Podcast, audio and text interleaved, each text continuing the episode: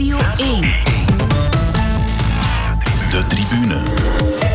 Tom van den Bulke.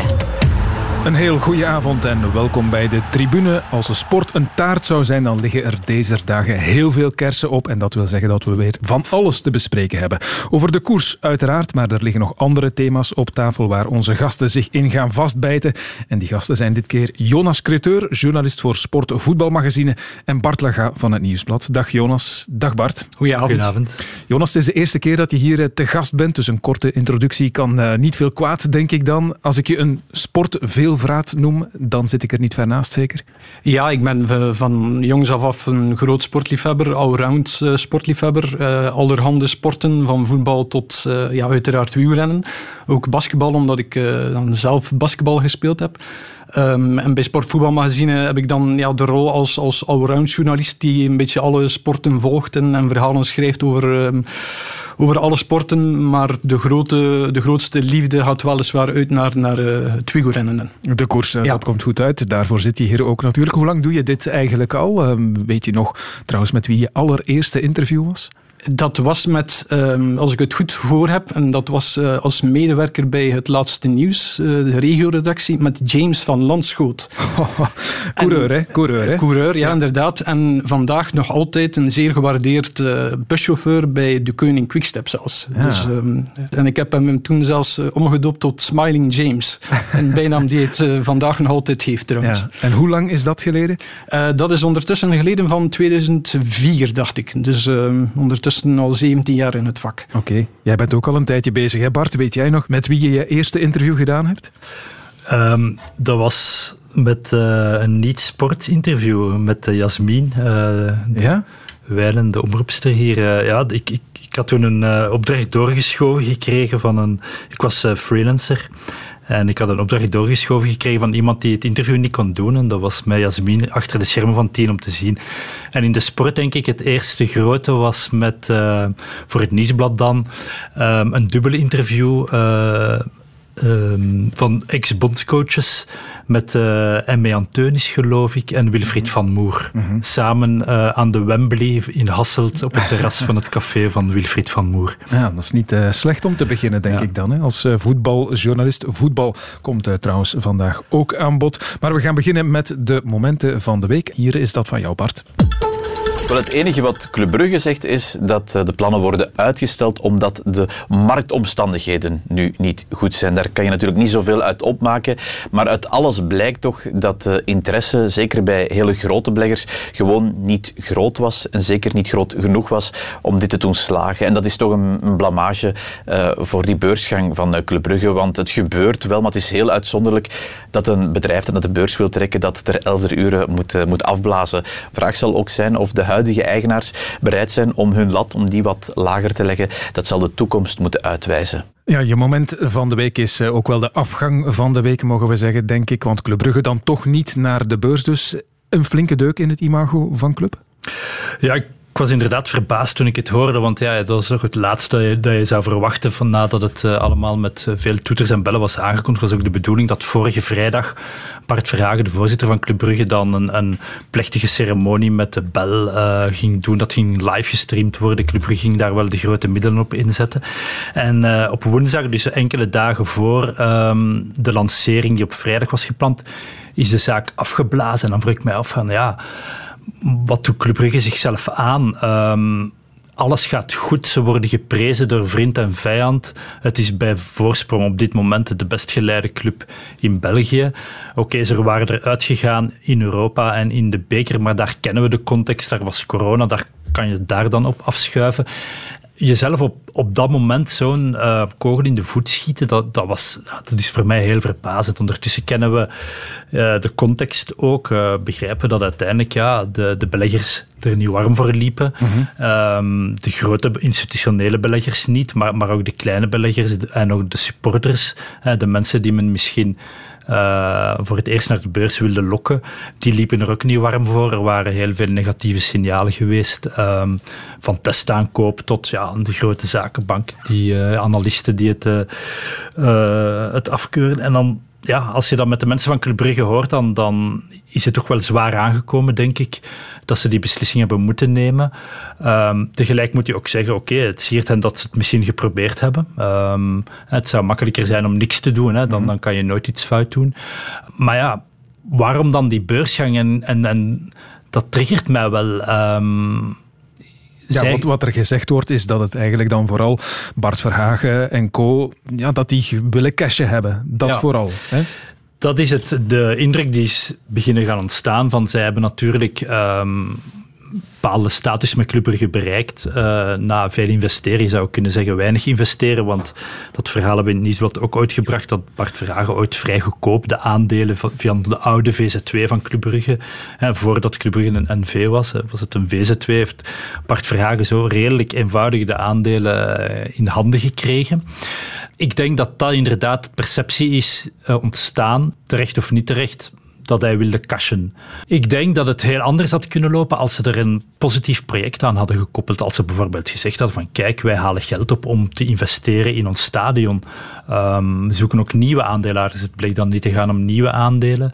Um, maar om de verkoop van de bestaande. Tegelijkertijd gingen de bestaande aandeelhouders ook meer stemrecht krijgen. Dus de hele indruk ontstond dat men voor die supporters dan niet Club Brugge ging steunen, maar eerder Bart Verhagen en, en zijn uh, medevenoten uh, ging, ging steunen.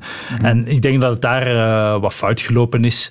Het is nog niet afgesteld. Het is uitgesteld voorlopig, de beursgang. Het nog ja, dat is, dat is, wel de vraag nu. Is dit uitstel of afstel? Gaat het er nog van komen, denk je? Ik denk dat die kans klein is, omdat er toch een sprake is van een enorme imagoschade. En niet alleen binnen de voetbalwereld, maar ook in, in de financiële wereld, denk ik dat het moeilijk is om zoiets op een uh, ja, geloofwaardige manier te herlanceren. Tenzij men natuurlijk het op een totaal andere manier voorstelt, zoals ik zei, rond, rond, rond mhm. dat stadionproject bijvoorbeeld maakt het heel misschien nog een kans. Maar uh, ja, ik denk dat het toch wel een serieuze deuk um, in het imago is. Ja, en dan heb je toch een trotse voorzitter zoals uh, Bart Verhagen iemand is. Hoe gaat hij om met dit soort gezichtsverlies, denk je? Ja, we hebben hem niet meer gehoord sindsdien. Ik denk dat hij zich wijselijk hult in stilzwijgen. Wat mij ook... Um, ja, ik heb er een beetje over zitten nadenken en dan waarom zoekt hij dit te doen? Het, is een beetje het, omgekeerde van een zakenman zoals Roland de Châtelet, die dan bijvoorbeeld heel succesvol is in het zakenleven, ook in de beurs, die dan zegt van ik wil mij eens bewijzen in het voetbal dat ik het hier ook kan waarmaken.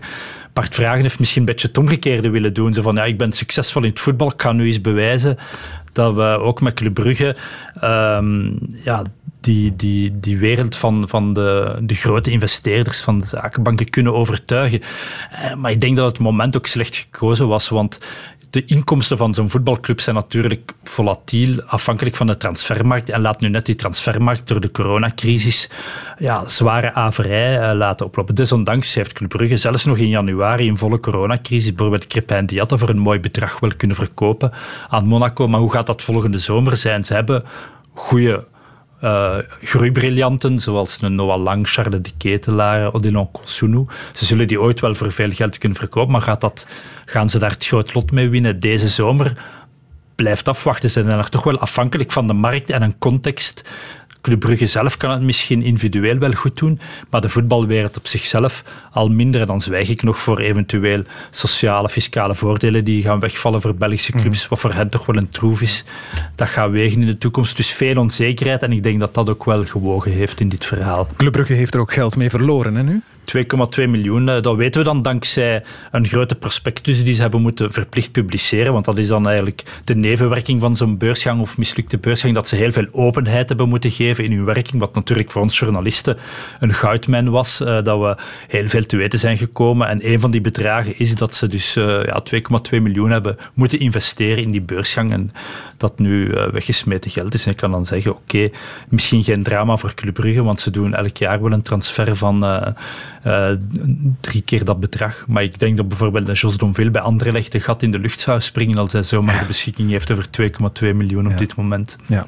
De grote goed nieuws show is het uh, inderdaad lang geweest bij Club Brugge. Dit was een uh, tegenvaller. We gaan over naar een misschien iets fijner moment van de week. Dat van jou, Jonas.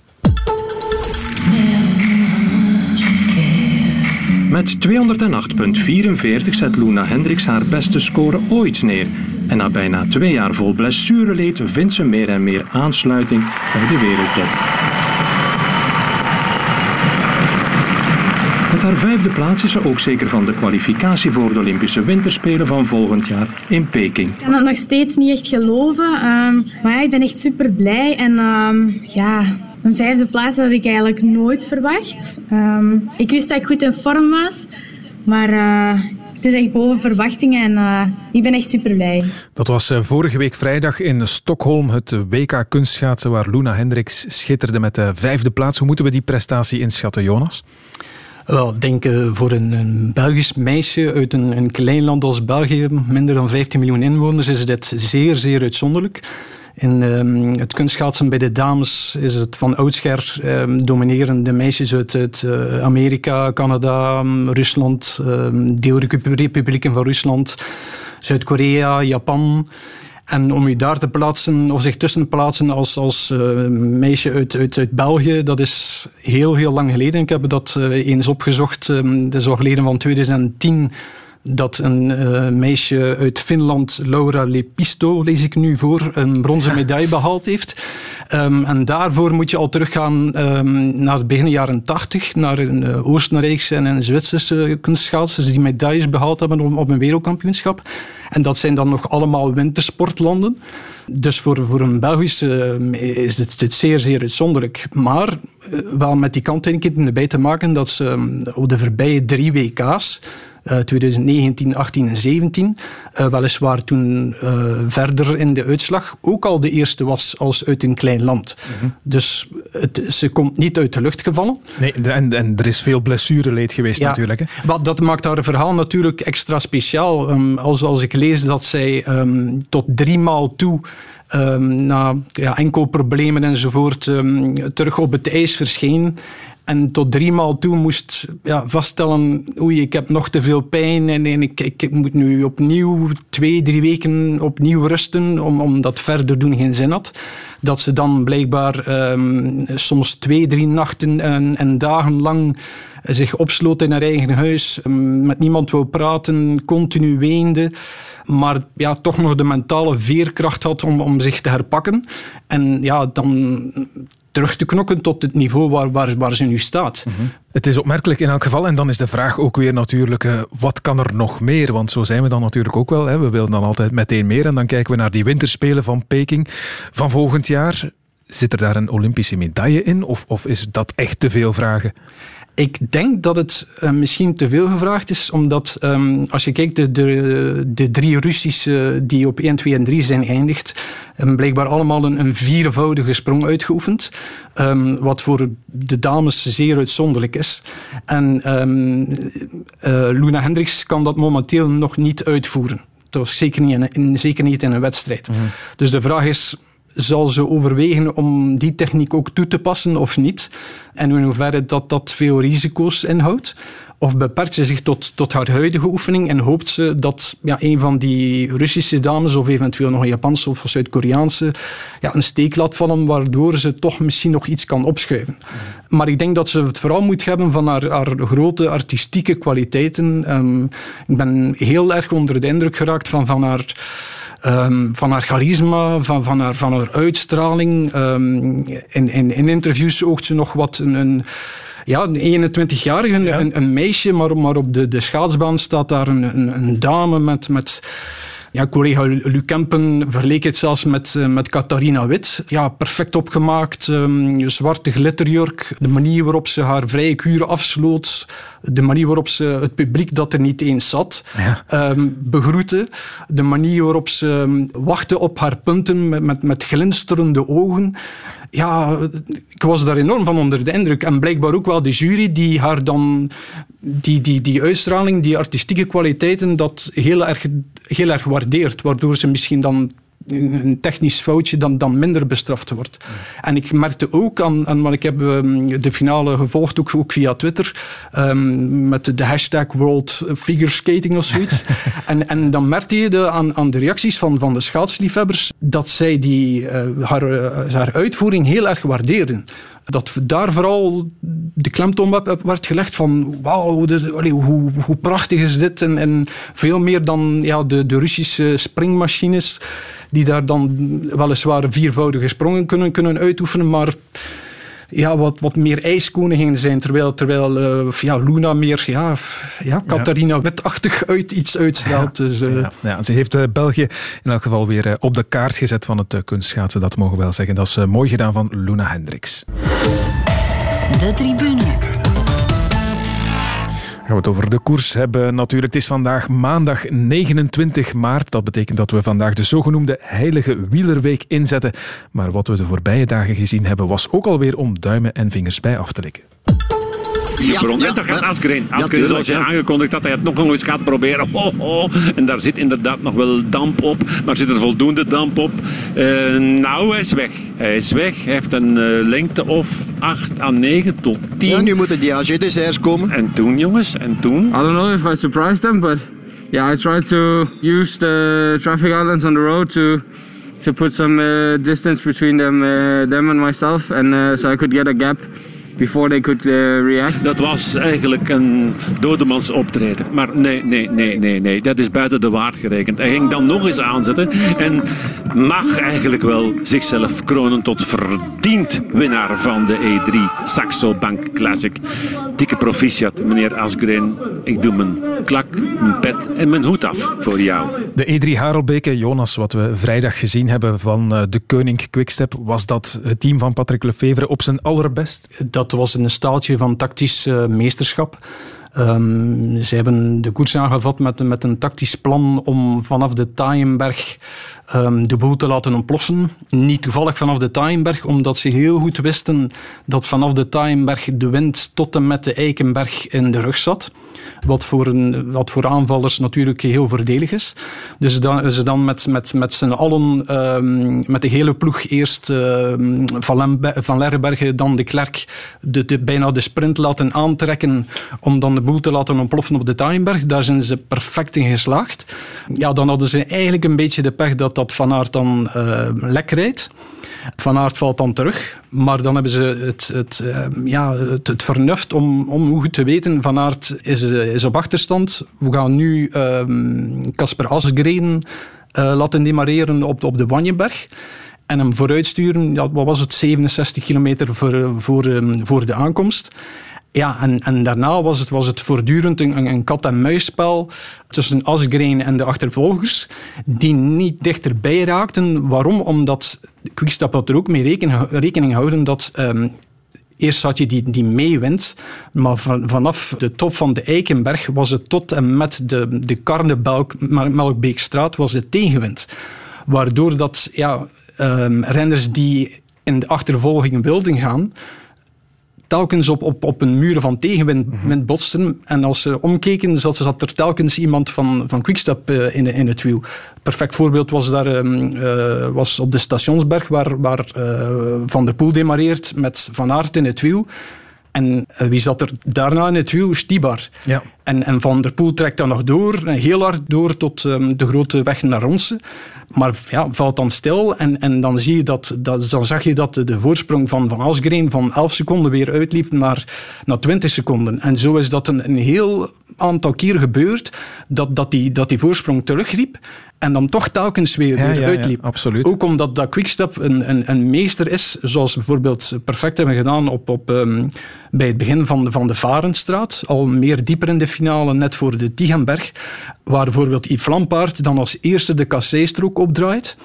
Uh, met naast hem, ik dacht, um, Ballerini of, of Seneschal. En dan zo perfecte tempo drukken, waardoor Asgreen opnieuw weer 15 seconden extra kon uitlopen. Ja, en oké, meningen zijn er om de verschillen natuurlijk, maar ik was wel een beetje persoonlijk verbaasd toen ik eh, de analyse las in het uh, laatste nieuws, de dag na de E3. Daar werd de manier van koersen van de Koning Quickstep bij wijlen irritant genoemd, niet mooi om naar te kijken. Ja, ik heb daar wel van genoten, eerlijk gezegd. Ja, ik vond dat ook een, een vreemde opmerking.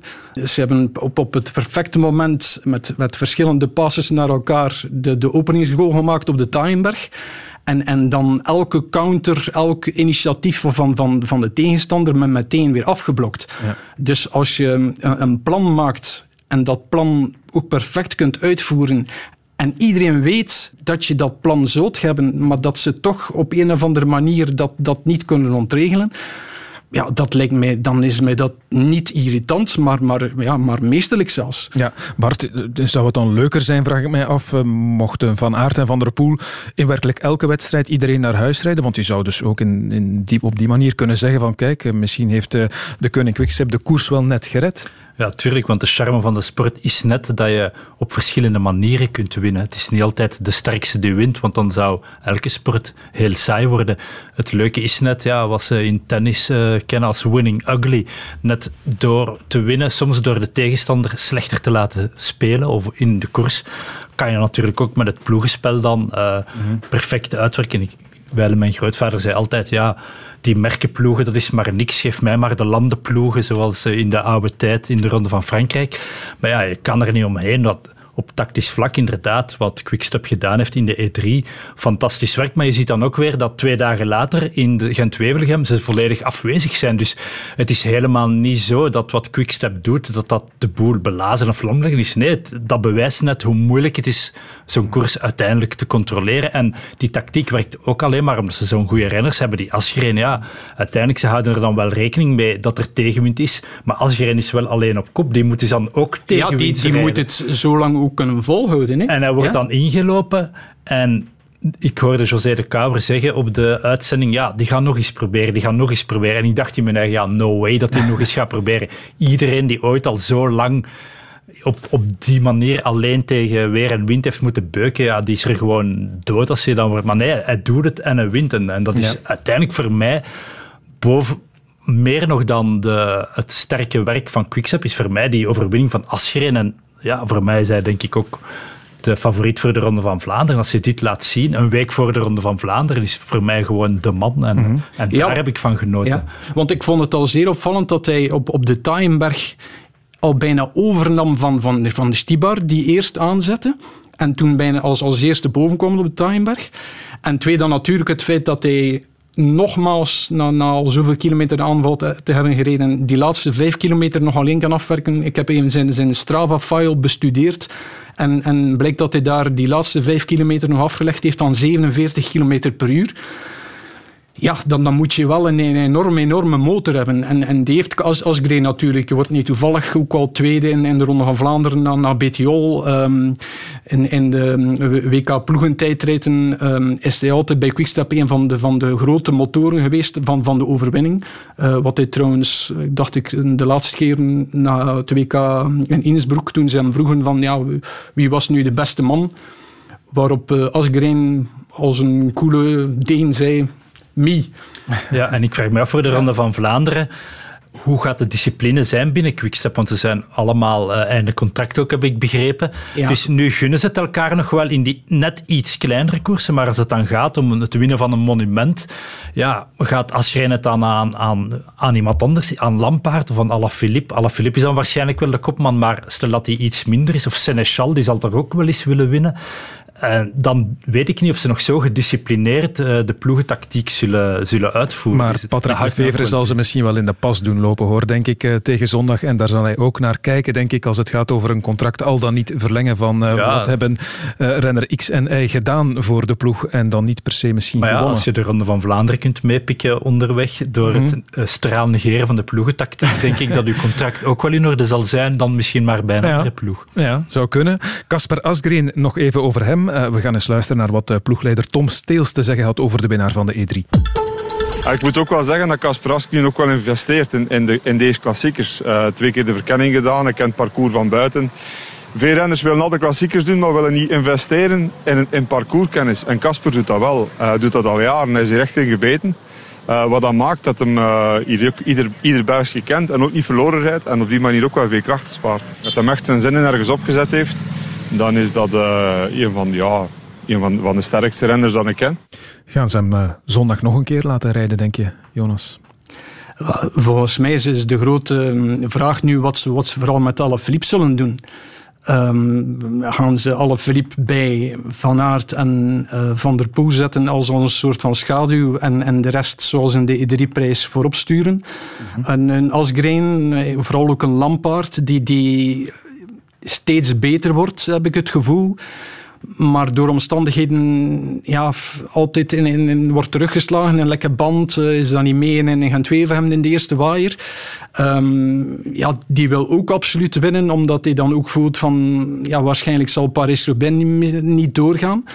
Um, dus de vraag is, als ze die twee voorop sturen, 50, 60 kilometer voor, voor de aankomst wat Van Aert en Van der Poel dan zullen doen. Al dan niet met, met alle Friep als, als schaduw. Mm en als uh, de grote twee of de grote drie dan met Alaphilippe dan, dan toch zouden wegrijden, of Alaphilippe dan, dan in tegenstelling tot vorig jaar, hoewel dat wel maar een korte periode was uh, tot zijn valpartij, dan wel zal meerijden. Ja. Of, moet je, moet je het in, in dat opzicht niet uh, eerder de koers van de grote twee en Quickstep noemen, in plaats van de koers van de grote drie, van het te vernauwen tot de grote drie? En zullen ja, Van der Poel en Van Aert misschien elkaar ook gewoon wel nodig hebben in die strijd tegen de koning Quickstep? Ja, ongetwijfeld. Ja. Dat, uh, dat staat buiten kijf. En de vraag is ook, is Alaphilippe even goed als vorig jaar? Want de laatste koersen was dat nog niet het geval. Nu heeft hij een trainingsperiode in Andorra ingelast. Uh, hij komt dan woensdag terug voor um, dwars door Vlaanderen. Mhm. En wat zullen ze dan, dan met, met hem doen in combinatie met dan vooral Asgreen, uh, Stibar, die toch ook ja, plots lijkt, uh, lijkt te. Want, want um, dat was toch ook een klein beetje onderbelicht om, allee, door de prestatie van Asgreen. Maar Stibar was bijvoorbeeld op de Paterberg. Toen Van Aert daar demareerde, was Stibar mee. Uh, toen Van der Poel aanzette op de, op de Tiegenberg vol doorreed, zat Stibar ook vlak in het wiel. Dus Stibar is ook heel erg goed. Kan ook die afstand aan, denk ik, van 250 kilometer. Dus ze hebben ja, heel veel verschillende troeven om, om uit te spelen, maar de vraag, waar, waar zullen ze dat doen? En de ronde is natuurlijk ook nog een, een, een andere, veel zwaardere koers dan, nog dan, dan uh, de E3-prijs. Ook omdat je daar dat middenblok hebt met dan de tweede beklimming van Oude Kwaarmond, Paterberg, mm um, Koppenberg, gevolgd dan door, door de uh, Steenbeek Dries en de Timeberg, waar vorig jaar alle Philippe dan ook de beslissing doorvoert. Ja. Dus Mhm. Het is een zwaardere koers waar, waar de natuurlijke selectie automatisch wordt doorgedreven. En dan komen, denk ik, is tactiek misschien minder van toepassing dan, dan in een wedstrijd als de E3-prijs. Ja, Bart, je hebt het al even aangehaald. Er was wel inderdaad een contrast tussen uh, de Koning Quickstep op uh, vrijdag in de E3 en dan zondag in Gent-Wevelgem. Beetje vreemd zelfs dat ze daar de slag missen in het begin terwijl dat net hun specialiteit is, uh, wires enzovoort. Een idee waar het daar fout gelopen is? Ja, ik heb gelezen wat, wat waren dan de excuses, maar die waren vrij flauw, vond ik. Uiteindelijk, ja, je weet gewoon waar Gent-Wevelgem kan openbreken. Het spel met de wind langs de kustlijn. Dan moet je gewoon attent zijn en dat waren ze dus niet. En dat contrast uh, met vrijdag vond ik, vond ik heel opvallend daar zat dan misschien wel weer tegenover dat ze uh, des te meer uh, erop gebrand zullen zijn om het zondag dan weer recht te zetten, waarschijnlijk. Uh, maar ja, hoe, hoe, dat je eigenlijk zo. Of, of, hebben ze het misschien wat gevierd, hun overwinning vrijdag? hebben ze misschien nog. Mm. Dat kan ik me toch ook moeilijk voorstellen in de Heilige Week in Vlaanderen. Denk maar ik niet. er was eigenlijk volgens mij geen enkel excuus voor Quickstep om niet mee, of toch niet minstens een paar mannen. Ze, hadden de verkeerde mee, bleek achteraf Bennett. Sam Bennett, inderdaad, die zit dan mee in die, die groep die uiteindelijk gereduceerd wordt tot een man of negen. En dan denk je van oké, dat kan er misschien wel goed uitzien om uh, straks te gaan sprinten in Wevelgem. Maar dan plots zien we zijn maaginhoud door de lucht vliegen. En dan weet je dat, uh, dat het anders loopt natuurlijk. Sam Bennett. Yeah, I'm fine. I just uh, I eat too much because I try to feel as much as possible, and uh, I had to go so deep on the last time up Camelberg that there's just too much in my stomach, um, too much lactate. So I just I couldn't hold down my food. It's just my own fault. I, I tried to really fuel for the miles. It's a really long race and uh, I, I.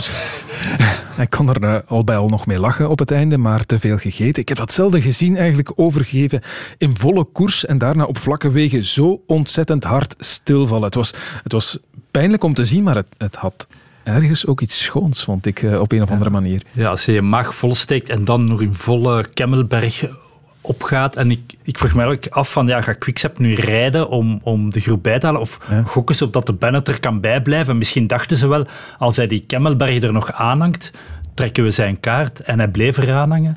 Maar ja, uiteindelijk zien we tegen welke kostprijzen. Maar een overetende renner, inderdaad, nog nooit eerder van gehoord. Ik dacht dat hij net alleen maar hongerkloppen konden krijgen. ja, inderdaad. eh, Dat is iets helemaal anders natuurlijk. En zo geen Bennett meer om vervolgens te sprinten voor de winst in eh, de Van Akkerenstraat in Wevelgem. En zo kregen we dan eigenlijk wat we al van ver zagen aankomen.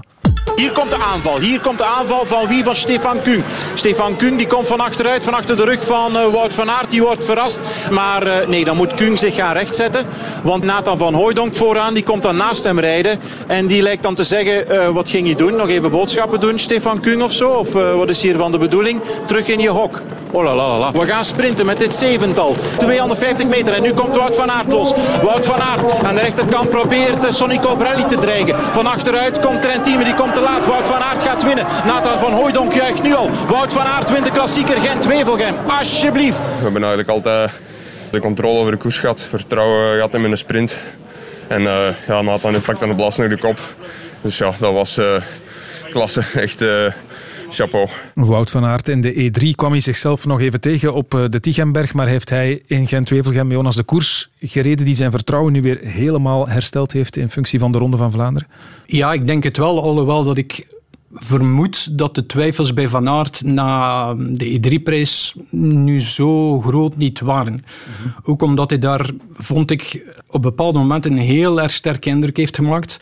Onder meer, en dat is een beeld dat, dat niet goed in, in, in beeld kwam, op het moment dat ze boven kwamen op de Boigneberg, dat hij in één ruk tegen de wind in daar een, een van, van 25 seconden tot in een groepje met, met Van der Poel, die op dat moment dan ook al terug aanvalt omdat hij ziet dat Van Aert eh, terugkomt. Maar dat vond ik wel een, een heel erg indrukwekkend nummer, omdat dat, dat, was, dat is een stukje eh, vals, vals plat, eh, volledig tegen de wind in. Daarna ja, komen ze dan voorop met, met, eh, met de groep met Van der Poel. Ehm, rijdt hij de Paterberg op, heb ik even gekeken in een persoonlijk record. Ehm, doet hij heel de beklimming van, van, de, eh, van de Oude Kwaremond van de voet tot, tot boven. Helemaal zelf op kop. De Karnenbouwbeekstraat eh, idem. helemaal op kop tot, tot, tot boven. Dus heeft hij zichzelf daar ja, een, een klein beetje overschat. Om misschien te bewijzen naar, Van der van, van ja, kijk eens hoe goed ik ben. Ja. En dan ja, loopt hij op de, op de counter op, op, op de Tigenberg. Ja, ik denk niet dat dat nu zo'n groot probleem was.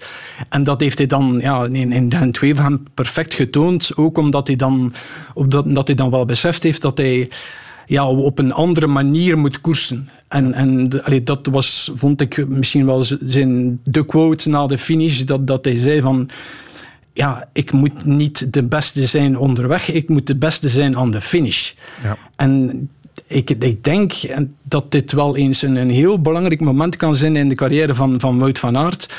Dat hij beseft heeft van ja, die implosie op de, op de Tigenberg. Ja, ik, ik moet niet rijden als à la Van der Poel of willen rijden à la Van der Poel door, door continu te aanvallen of, of, of op kop te gaan rijden. Als ik iets zuiniger omspeel met mijn krachten, dan kan ik het in de sprint perfect afmaken, zoals hij in, in Gent-Wevelgem gedaan heeft.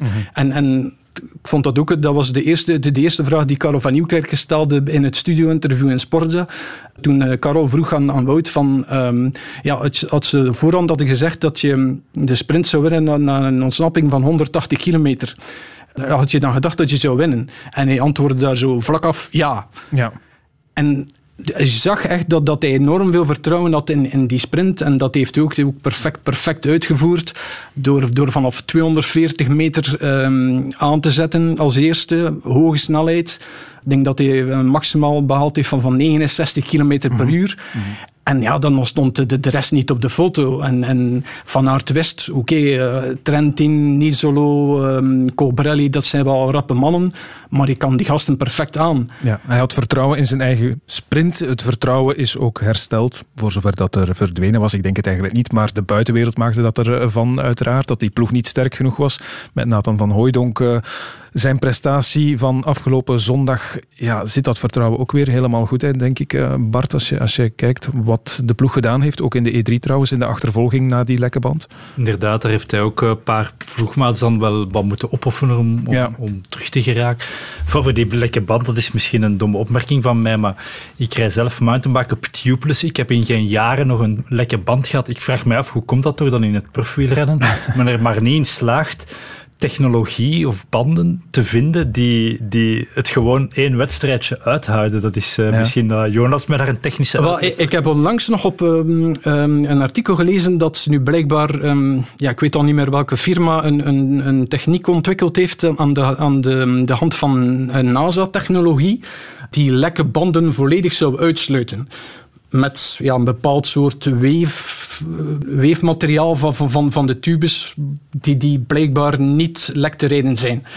Ja, of dat er ooit van komt op korte termijn, ik weet het niet, maar het blijft wel opvallend dat inderdaad nog altijd al die lekke banden vallen. En, en wat, wat Van Aert betreft, die lekke band, dat vond ik ook opvallend, omdat hij zei van ja, ik ik had eigenlijk al een, leegloper net voor de Taaienberg. Dus op het moment dat, dat Quickstep daar de boel had ontploffen. Maar de Taaienberg, dat was ja, 79 kilometer eh, voor de aankomst. En als je dan kijkt, um, uh, op het moment dat hij dan effectief van, van wiel wisselt uh, met een neutrale motor, omdat hij, ja, hij had geen ploegleider in de buurt en het moest met in een neutrale motor gebeuren, dat was iets op, op 72,5 kilometer van de aankomst. Dus moet hij bijna misschien 7 kilometer, weliswaar niet met een volledig lekke tube, maar toch met een, een, een, ja, een langzaam leeglopende tube hebben gereden. Wat op zich ook al heel veel kracht in heeft gekost. Misschien moeten we maar eens een aparte podcast maken ja, over, over, over, eh, technologie. over technologie. Want het gaat ons een beetje te ver leiden nu. Er is namelijk nog één ding wat ik eh, over de koers dan wil aanraken. En dat uh, gaat over AG Duzer met Van Avermaat en Nase, die eigenlijk twee keer achter de feiten aangereden hebben. Ik heb eh, in de uitzending 10 kilometer van het einde gezegd dat Asgreen nog ging demareren. Of uh, op het moment dat hij was ingelopen, dat hij nog, nog ging aanvallen. En ze waren daar nu met twee. Ze hadden eigenlijk niet echt heel veel moeten doen, want er was al heel veel werk opgeknapt door anderen. Dan hadden ze altijd moeten reageren op al wat blauw was. In dit geval nu rood van de Koning Quickstep. En dan niet denken, ja, Mathieu zal dat nog wel eens doen. Nee, die zat alleen. Nadien heb ik ook niet gezien dat er een van de twee zich echt heeft opgeofferd om ook nog maar iets te proberen terugkomen. Greg is nog eens gegaan, dat is ook niet gaan. Uh, naast dat was doen van ja, we moeten toch iets doen. Ja, ik zal dan maar iets doen. Moet daarover geklapt worden? Dat moeten ze zeker doen. Praten. Ja, moet dat inderdaad eens gebeuren bij AG Deser? Jonas, uh, wat is daar het probleem op dit moment? Wel, ja, ik, ik kan en, uh, José enkel maar bijtreden. Hoe opvallend het was dat ze dan inderdaad niet, niet meteen reageerden. Um, als, als je de beelden bekijkt, um, is het wel waar dat, dat um, Van Avermaat net een kopbeurt had gedaan, uh, zich aan het, aan het laten afzakken was. Is het, is het inderdaad van niet beter kunnen geweest? Ja, want ik, ik, vond twee uitspraken van, van, van Naasten wel heel opvallend. Um, toen dat hij sprak van, ja, ik, ik, um, ik dacht, wij, wij, zijn, uh, we waren boven ons, ons gewicht aan het boksen. En ik had het gevoel dat, we, um, dat ze ons naar de slagbank aan het leiden waren. Mm -hmm. Allee, je spreekt toch, toch iemand over die, um, die tweede is geworden in, in Milan Sanremo, Belgisch kampioen is geworden, um, toch altijd heeft geambieerd om, om de Spreekt een beetje moedeloosheid uit, hè? Te winnen. En als je dan zoiets zegt van, van toch een coureur van zijn niveau, ja, dan, dan, dan vind, ik dat, vind ik dat zeer raar. Is, is dat omdat hij echt niet beter kan? Ik laat mij vertellen door een fotograaf dat, dat, dat naast een, ja, daar continu met, met de mond wijd open zat, zelfs ook in, in Gent-Wevergem zondag is dat dan ja, um, door zijn flamboyante zelve en, en eerlijke zelve die, die uitspraken dan doen, maar misschien zegt het wel veel over zijn ja, misschien niet, niet topconditie. En ja. en ja, dan moet je je afvragen van of dat hij dan inderdaad niet met... Maar moet er dan met... geen duidelijkere rolverdeling komen? Moet uh, dan niet ja. zeggen, oké, okay, ik uh, rij me dan maar helemaal leeg voor Van Avermaat? En moet dat ook niet vanuit de ploegauto gezegd worden? Ja, absoluut. Um, eerst en vooral, want, want dat is net het, het, het vreemde eraan, dat die twee zeer goede vrienden zijn. Uh, ze gaan dagelijks op pad op training dat ze toch uh, zulke afspraken op voorhand zouden moeten maken. En als ze dat dan niet doen, dat dat dan toch tenminste ook vanuit de ploegwagen wordt gezegd. Mm -hmm. Maar dat is dan blijkbaar niet, het, niet gebeurd. En er is dan inderdaad veel te lang gewacht om... om ik, ik dacht dat um, Van Avermaat pas na een, een, kleine halve minuut heeft gereageerd om, om, um, om te reageren op, op de aanval van Asgreen. Ja, dan is de vogel gaan vliegen natuurlijk. Uh, maar ik denk dat het, en, en dat zag je eigenlijk zondag ook in, in Gent-Wevergem, dan zou je denken van, ja, ze zijn belust op revanche, gaan, ze gaan van, van, van bij de start bij de pinken zijn en dan zijn ze ook weer niet mee in, in, in de waaier. Dan koersen ze ook heel de, koers, heel de koers achter de feiten aan. En dan wordt ja, Van Avermaat twaalfde. En ja, naast ik, ik weet al niet meer hoe ver. Dus, um, ja. Zie jij het nog goed komen met de AG Desert tegen zondag, Bart? Of, het, het of, lijkt op alles van die niet beter kunnen. En wat dan de hiërarchie betreft, ik, ik kan, me, ik kan me, me wel iets inbeelden dat dat niet makkelijk is tussen vrienden om dan ineens... Uh, elkaar een plaats. Van de andere kant ja, denk ik dat Greg van Avermaat toch wordt gezien als een natuurlijke betere renner. En als die het niet kan, dat hij dat hem toch wel kan laten weten en, aan Naast. Maar vooral als je dan ziet hoe, hoe dat ze dan zondag opnieuw de slag misten, denk ik dat het van die beter kunnen is. Ja, ja absoluut. Ja. Oké. Benieuwd of ze zondag iets kunnen rechtzetten in uh, de Ronde van Vlaanderen. De tribune. Nu gaan we ook nog stilstaan bij het voetbal, want de Rode Duivels zijn begonnen aan de voorronde voor het WK in Qatar. Dat de matchen tegen Wales en Tsjechië geen hoogvliegers waren. Ja, dat weten we al, dus willen we het liever eens hebben over het land waar dat WK in 2022 gespeeld moet worden. Qatar dus, het land waar duizenden mensen het leven gelaten hebben om het grootste voetbalcircus ter wereld mogelijk te maken. 6500 doden, schreef The Guardian vorige maand. Dat is wellicht nog een onderschatting. En Bart, ja, misschien moeten we dan maar beginnen met te zeggen dat het probleem eigenlijk al begonnen is toen het WK in de first place werd toegekend aan Qatar in, in 2010. Dat dat op dat moment toch, toch gewoon eigenlijk nooit mogen gebeuren, toch? Ja, het, eerste wat al ongelooflijk was uh, in 2010 was dat men erin het gepresteerd heeft om twee WK's tegelijkertijd toe te mm -hmm. kennen. Dus uh, kwestie van uh, dat was de nadagen van Seb Blatter. Dus kwestie van uh, jezelf nog eens te trakteren uh, op een, uh, een soort dubbele rondje cadeaus in ontvangst nemen, kon dat wel tellen. Dus dat was op zich al, al buitengewoon vreemd. En dat dan, ja, en, kijk, uh, het argument van Qatar, ik herinner me dat nog heel goed. Ik was toen mee aanwezig in Zwitserland, omdat België en Nederland waren ook kandidaat en de pers was dus gevolgd. Men heeft dan gezegd, ja, kijk, Rusland, Oost-Europa had nog nooit een, WK gedaan. Oké, dat, kan je dan nog wel volgen. Rusland is wel een, echt een voetballand. Uh, maar Qatar zei men, ja, de Arabische wereld had ook nog nooit een WK gekregen. Dan denk ik, ja, dat klopt opnieuw, maar is er dan binnen de Arabische wereld, is Qatar dan de beste keuze? Mm -hmm. Dat was al op zich al heel vreemd. Um, sowieso, toen was er nog sprake van het in de zomer te doen, dus ook om klimatologische redenen. Gelukkig dat daar Michel Doge, die ja, je kan wel zeggen van uh, die gaat mee in die FIFA-zaak, maar heeft daar toch de verdiensten van op de rem te hebben gestaan en het toch al op zijn minst verplaatst te hebben naar, naar de winter. Uh, maar het blijft hoe dan ook een heel vreemde zaak om ja. eigenlijk in één stad in Doha, de hoofdstad van Qatar, bijna dat volledige WK uh, te laten plaatsvinden. Ja, en als je dan weet wat, wat de, de, arbeidsomstandigheden waren bij de bouw van die stadions, ja, mm -hmm. dan maakt het wel heel zuur. Dat, dat was 2010. We zijn ondertussen 2021, elf jaar later. Ja, er zijn ondertussen een aantal mensen stilaan wat wakker geschoten. Um, maar is het niet allemaal too little, too late nu? Ja, dat was wat onder andere Joshua Kimmich, een van de beste spelers van Duitsland, zei van ja, daar, we hadden man tien jaar geleden maar verontwaardigd moeten zijn. Nu, dat rapport van The Guardian is van vrij recente datum en dat is, heeft het een beetje getriggerd op dit moment. Ja. Um, ik vind, ja, kijk, um, er is zeker absoluut reden om daar nu verontwaardigd over te zijn. Het is niet zo dat je, als je eenmaal een kans hebt gemist om verontwaardigd te zijn, vind ik niet dat je dan voor altijd moet zwijgen. Dat, dat vind ik dus ook niet. Er is een nieuwe generatie aangetreden. België is nu nummer één van de wereld. Dat waren we tien jaar geleden nog niet. Um, helemaal in tegendeel zelfs.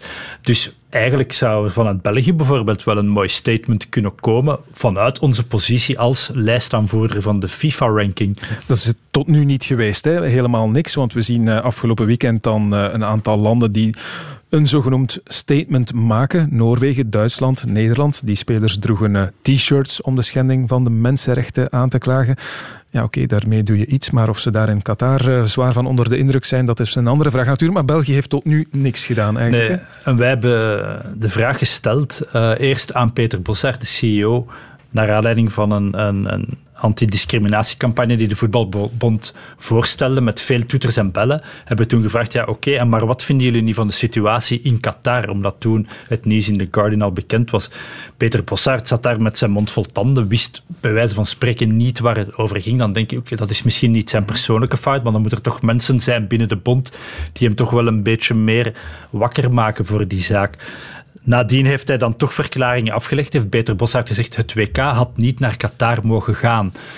Dat vond ik dan een beetje gemakkelijk. Van de andere kant was het toch wel goed dat dat signaal op dat moment gekomen is. Ze hebben opnieuw de vraag gesteld voor de eerste wedstrijd tegen Wales aan de bond. Gaan jullie iets doen? Dan opnieuw was de reactie van ja, daar hebben we eigenlijk niet echt over nagedacht. Roberto Martinez kreeg nu de vraag, die zegt ja, een boycott lijkt me een slecht idee, maar we gaan nog iets doen. Ja, het is allemaal zo slap. Het is een, België kijkt zo wat, wat doen de andere landen. Ik begrijp Mhm. We hebben die cultuur niet om uh, op de barricade te springen. Nee, maar je bent wel de nummer één van de wereld nu. Hè? Ja, dus dat vind ik dus wel. En, en als je dan enerzijds voor de wedstrijd daar in Wales brengt Black Lives Matter goed. Ik vind dat goed. Uh, Lukaku staat daar ook achter. Hecht daar waarde aan. Dus ik vind dat niet gratuit, maar dan moet je het ook wel kunnen doortrekken. En dan moet je ook inderdaad over Qatar iets, iets durven doen. Mhm. Van de andere kant kan je daar ook weer tegenover stellen van het moet niet altijd op die voetballers hun kap wordt ook om dan overal met het vingertje te staan wijzen. Want ja, hoeveel andere zaken met Qatar gebeuren er niet. Maar ja, wat dat, dan dat is waar, Bart. Maar, maar oké, enerzijds, en dat zie je in de Premier League ook, gaan ze elk weekend op hun knie zitten voor de aftrap van de wedstrijd als signaal tegen discriminatie. Maar anderzijds gaan die spelers allemaal wel netjes uh, naar Qatar meelopen in de stoet straks. Kijk, eigenlijk als je, er, als je het echt rechtlijnig bent, is er dan maar één manier, dat is de zaak daar te boycotten. Maar dat gaat natuurlijk nooit gebeuren, want ja, wie zou er nu zichzelf een kans willen ontzeggen om, om daar een WK te gaan mhm. spelen? Um, maar dus, het, is toch allemaal een beetje eh, hypocriet, hè? Ja, het is hypocriet, ja. Het is... Kijk, de UEFA en de FIFA heeft altijd geprobeerd om het voetbal apolitiek te houden. En er staan zelfs straffen op politieke uit. Ja, als je als voetballer zou een bepaalde, na een doelpunt juichen met een politieke boodschap, kan je een boete krijgen. Maar natuurlijk, de realiteit is, voetbal is helemaal niet apolitiek. Wel in tegendeel. We zien net doorheen de geschiedenis dat die toernooien altijd aangegrepen zijn geweest om een bepaalde politieke agenda te dienen. En nu ook weer. Um, en ik denk dat je eerder moet spreken, ook misschien een beetje een failliet van grote toernooien. Men stelt vast dat er hoe langer hoe minder landen geschikt uh, bereid worden bevonden daar zwaar in te investeren. De enige landen die nog die zware investeringen in die stadions, in, in die massa-evenementen willen doen, zijn vaak landen die het misschien om de verkeerde reden doen, die er een, een grote propagandamachine in zien. Uh, en dan vind ik wel, als dat inderdaad de insteek is, ook bij Qatar, om zichzelf op die manier, ja, dan mag ook wel die andere zijde belicht worden. Ja. Dat vind ik wel. Peter Bossaert, CEO van de Voetbalbond, heeft intussen inderdaad gesproken over dat WK en hoe daarnaar te kijken. We gaan eens luisteren. Wij kijken als voetbalbond absoluut niet weg voor deze problematiek. En je merkt dat nu met het eh, WK in aantocht uh, de aandacht vergroot. En we denken dat we net die aandacht moeten gebruiken als drukkingsmiddel, samen met uh, FIFA en met een aantal andere voetbalfederaties, dat we die aandacht moeten gebruiken om meer druk te zetten en op die manier het voetbal mee te laten helpen aan de verbetering van de situatie al daar. Een boycott lijkt niet opportun. daar zijn wij van overtuigd, maar niet alleen wij. We zijn hierover in gesprek gegaan, ook met mensenrechtenorganisaties en zij vertellen ons dat de voornaamste slachtoffers in geval van een boycott de gastarbeiders zelf zullen zijn. En zo is eh, de conclusie dat we straks eh, met z'n allen gezellig naar het WK gaan. Um, journalisten ook, denk ik. Eh, Bart, jij zult wel gaan. Uh, Jonas, jij misschien niet als, als uh, Dat niet, zal waarschijnlijk voor een voetbalman. Voilà, ja. Maar stel, je gaat wel, oké. wat, maar wat kan de pers eigenlijk doen? Kan de pers daar een, een rol spelen nog van belang? Of is het dan eigenlijk allemaal te laat, eens dat WK aan de gang is?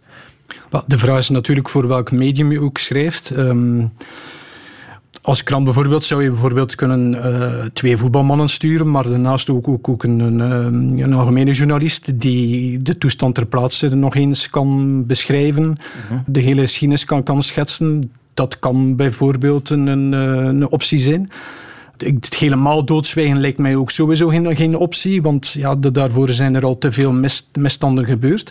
Mm Je kan zelfs de lijn doortrekken ook naar niet alleen het WK in Qatar, maar ook naar de Olympische Winterspelen in, in Beijing volgend jaar. Waar je ook ja, die, die kwestie hebt van de, van de mensenrechten met, met de Oeigoeren um, die ja, vastzitten in concentratiekampen in, in, de provincie Xinjiang.